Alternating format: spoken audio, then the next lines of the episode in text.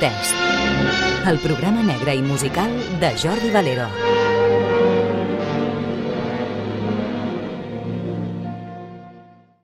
Benvingudes i benvinguts al fascicle número 13 del Mussol Maltès. Avui viatgem a la France, a Paris, al París de la Belle Époque, al París del Cancan que va musicar Offenbach, una música que s'escolta ballant o picant de mans i que representa tota la magnificència del cabaret i, per al·lusions, la del Moulin Rouge.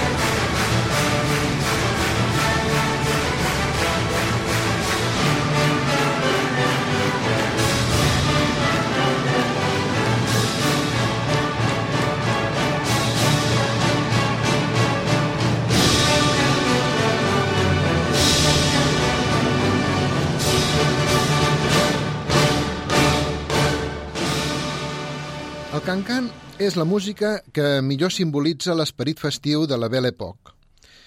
Tot i que va néixer força abans, és en el cabaret on agafa rang artístic. Passa de ser un ball de carrer esbojarrat a formar part d'un espectacle coreografiat i molt descarat pel deler dels espectadors masculins i també per l'avenç de l'alliberació femenina. La Belle Époque és el període històric que va de la Gran Depressió, una forta recessió econòmica que va afectar a tot el món fins a la Primera Guerra Mundial, o sigui, més o menys, des de 1895 al 1914.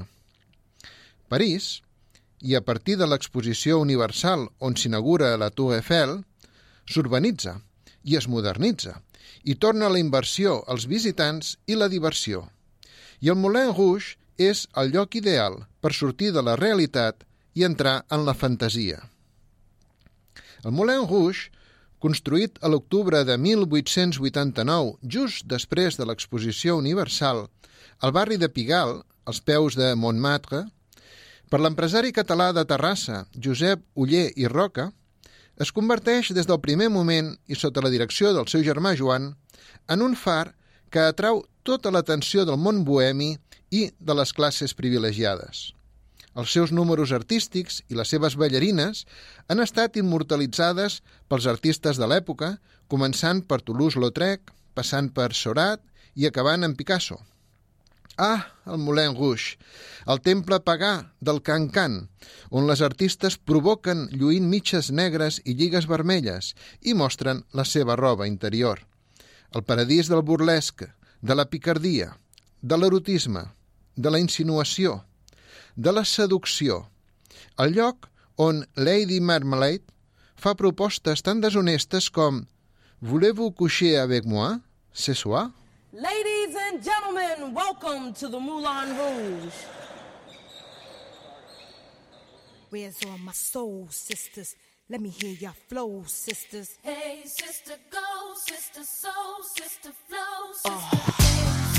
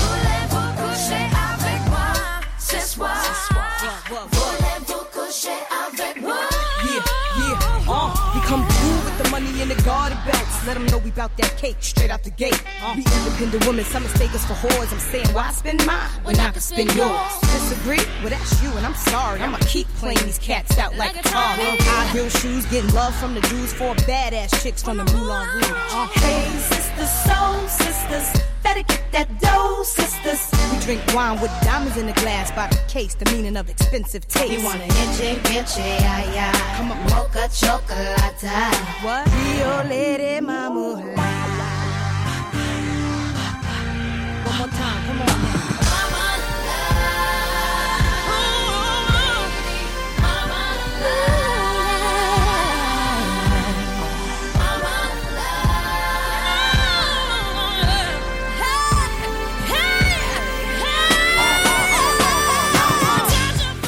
Moulin Rouge que sembla no hauria comptat entre els seus clients amb Arsène Lupin.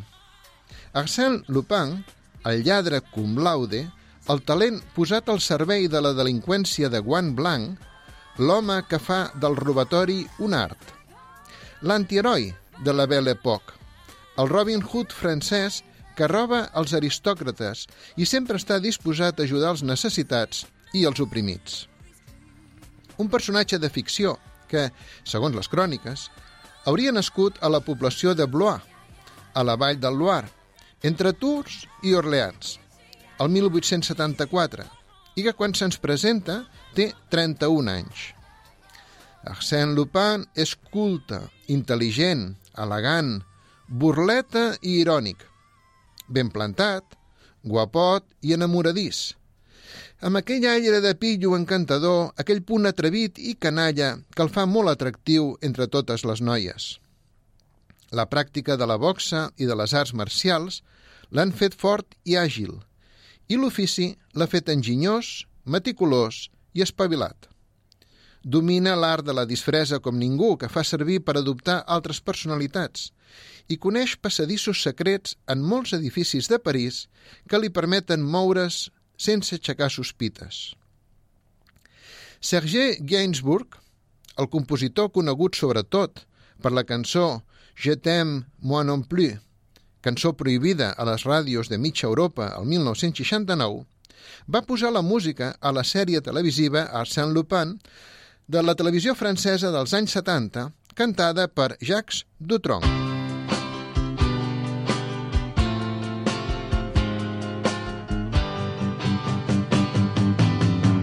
C'est le plus grand des voleurs. Oui, mais c'est un gentleman. Il s'empare de vos valeurs sans vous menacer d'une âme. Quand il détrousse une femme, il lui fait porter des fleurs. Gentleman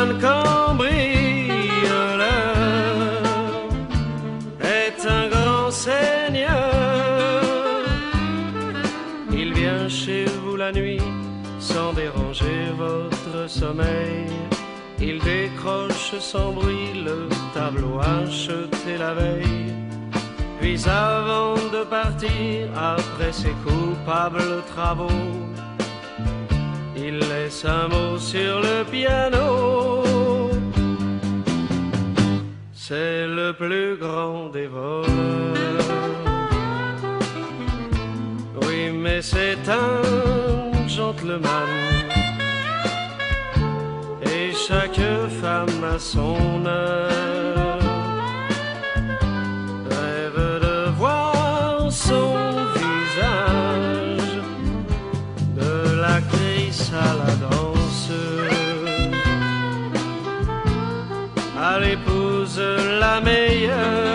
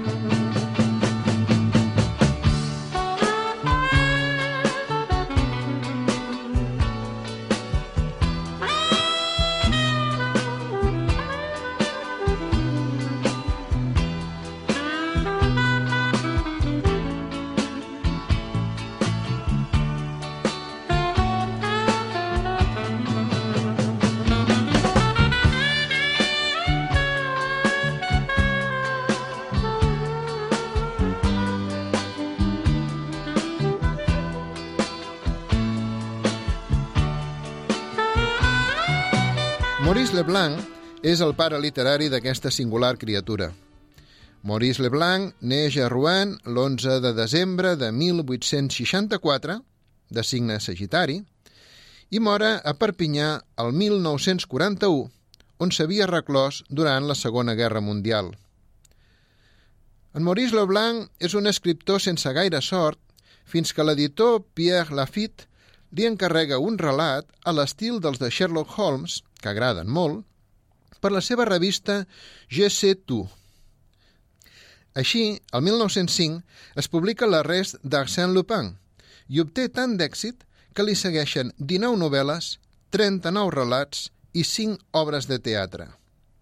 En Lupin és un personatge amb contradiccions anarquistes i de moral ambigua, i tot i sent un delinqüent, és el bo, per contraposició als dolents, que ho són molt més que ell. La forma de a qui i com robar i la ideologia practicada per Lupin recorda a Alexandre Marius Jacob, el personatge de la vida real en qui es va inspirar Leblanc per crear el seu personatge de ficció. Aquest Marius Jacob neix a Marsella el 28 de setembre de 1879, és doncs signe balança, i als 12 anys s'embarca com a grupet cap a Sydney, on deserta i acaba fent-se pirata. Amb 18 anys torna a Marsella, on comença a robar i a freqüentar cèl·lules anarquistes. I al poc temps és el líder d'una banda de lladres que es fa dir els treballadors de la nit, una banda que delinqueix sota uns principis entre els que destaca no emprar mai la violència tret de vida o mort i només robar a paràsits socials, respectant els treballadors i els comerciants honestos. Entre 1900 i 1903, en aquest període només de 3 anys, a la banda se'ls atribueix més de 100 robatoris perpetrats a París. El mètode que fan servir serà conegut posteriorment com robatori científic, per la seva meticulositat i cap destrossa provocada. El 1905 en Mario Jacob és detingut i condemnat a cadena perpètua en pena de treballs forçats a la colònia penal de Cayena, a la Guaiana francesa. Serà alliberat el 1928 quan torna a França on intenta reinserir-se com a venedor ambulant de teixits. Manté intacta la seva beligerància contra el cinisme de les classes predominants i manifesta les seves simpaties per la CNT a Barcelona durant el cop d'estat franquista. El 28 d'agost de 1954 decideix posar fi a la seva vida a Bois-Saint-Denis, on residia. Es suïcida amb salut, davant la impotència de poder canviar el món i abans que cap malaltia irreversible el faci patir. Podeu llegir la seva autobiografia ¿Por qué he robado y otros escritos? publicada aquí per l'editorial Pepitas de Calabaza. El grup musical Ignotus el recorden i reivindiquen amb la cançó que du el seu nom, Alexander Marius Jacob, amb notes de rock punky.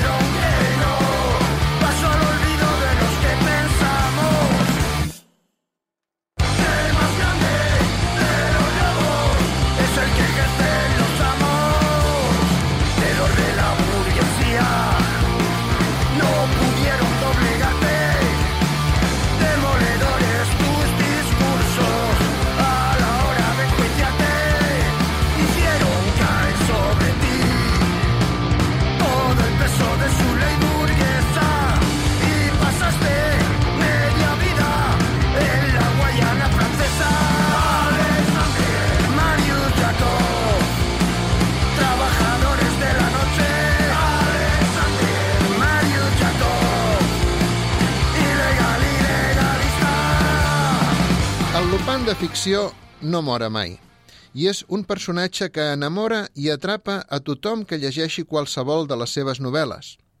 I encara que totes són bones, us recomano una que resulta especialment divertida i controvertida. És la que enfronta Arsène Lupin contra Sherlock Holmes. Fixeu-vos bé que dic Sherlock Holmes i no Sherlock Holmes. I és que, tot i que sigui el mateix personatge, l'Arthur Conan Doyle no va donar permís per fer servir el nom del seu famós detectiu anglès.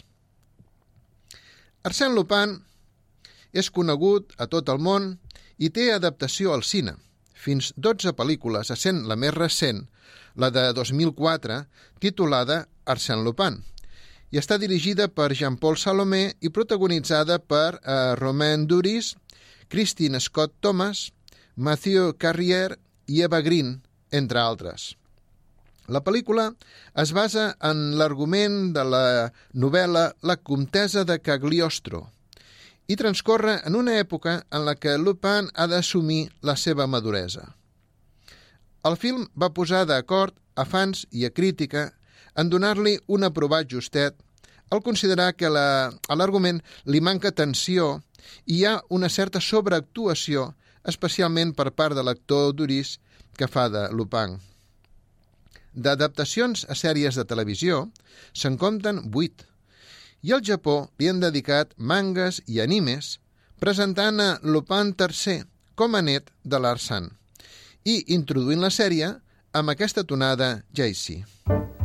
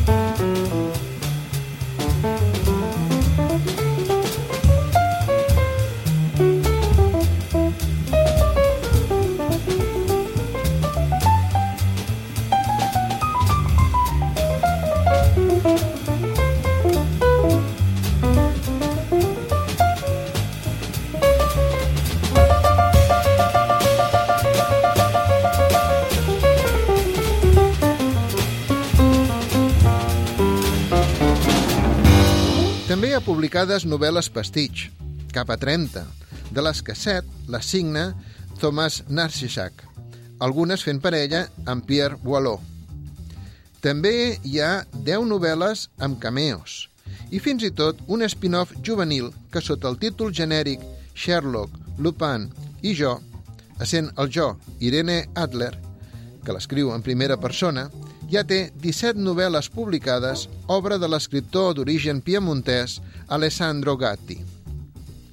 Però si hi ha un lloc en el món que representi a Lupin, és Etretat, a la Normandia, a dues hores de cotxe des de París.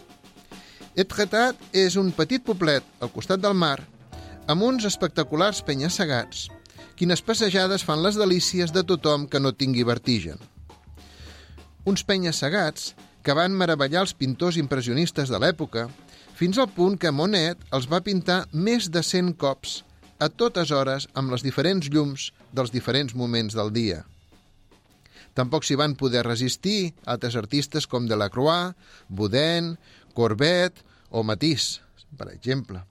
I eh, en aquests penya-segats trobem el Falès de Val, una enorme roca foradada de 70 metres d'alçada, formant un arc, l'ull de l'agulla, i que 350 esglaons el separen de la platja.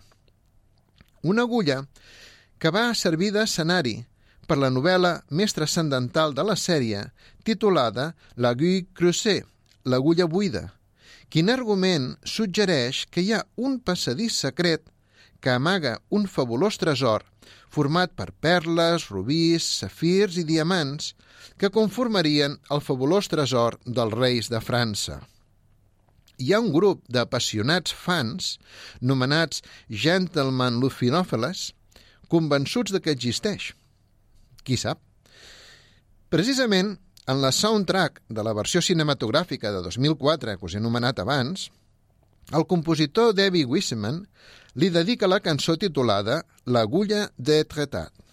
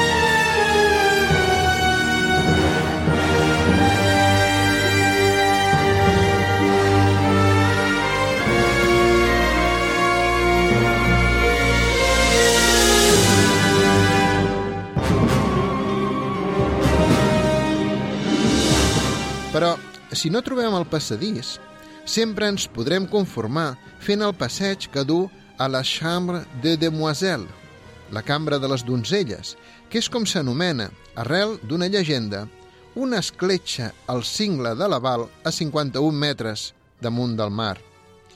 La llegenda parla de com Jacint, Elinor i Catrinette, fugint d'un presentuós baró, el senyor de Fréfossé, van refugiar-se en l'escletxa i com aquest, enfurismat pel seu rebuig, va bloquejar l'entrada i les noies, sense menjar ni beure, van resistir tres dies abans de morir. A Etretat hi tenia una casa el compositor Offenbach, del qui hem escoltat el cancan al començament d'aquest fascicle. I també hi estiuejava l'escriptor Guy de Maupassant, l'autor de la novel·la Belle Amie. Però, si Etretat és Arsène Lupin, és perquè el seu creador, en Maurice Leblanc, hi va viure des del 1918 i és on va escriure la majoria de les seves aventures. Avui, aquesta casa de Maurice Leblanc a Etretat, coneguda com Clos Lupin, és un museu interactiu dividit en set etapes de recorregut amb l'objectiu de resoldre el cas de l'agulla buida. I per acabar per avui, un breu comentari sobre la sèrie de televisió que ha posat de moda el personatge i que ha fet que gent que no el coneixia s'hagi interessat per descobrir-lo. Es tracta de la sèrie francesa Lupin dans l'ombre d'Arsène, o sigui, Lupin sota l'ombra d'Arsène. Consta de tres temporades de moment i el protagonista, Hassan Diop, és un home que s'inspira en les aventures d'Arsène Lupin amb la intenció de recuperar l'honor del seu pare injustament acusat de robatori. L'actor és Omar Sy, que compta amb participació en prop de 70 pel·lícules. I en el proper fascicle us explicaré eh, per què el vi fa sang. Gràcies a Beatriz Aguilar per estar a control de so, gràcies per escoltar-me, soc Jordi Valero i això és el Mussol Maltès.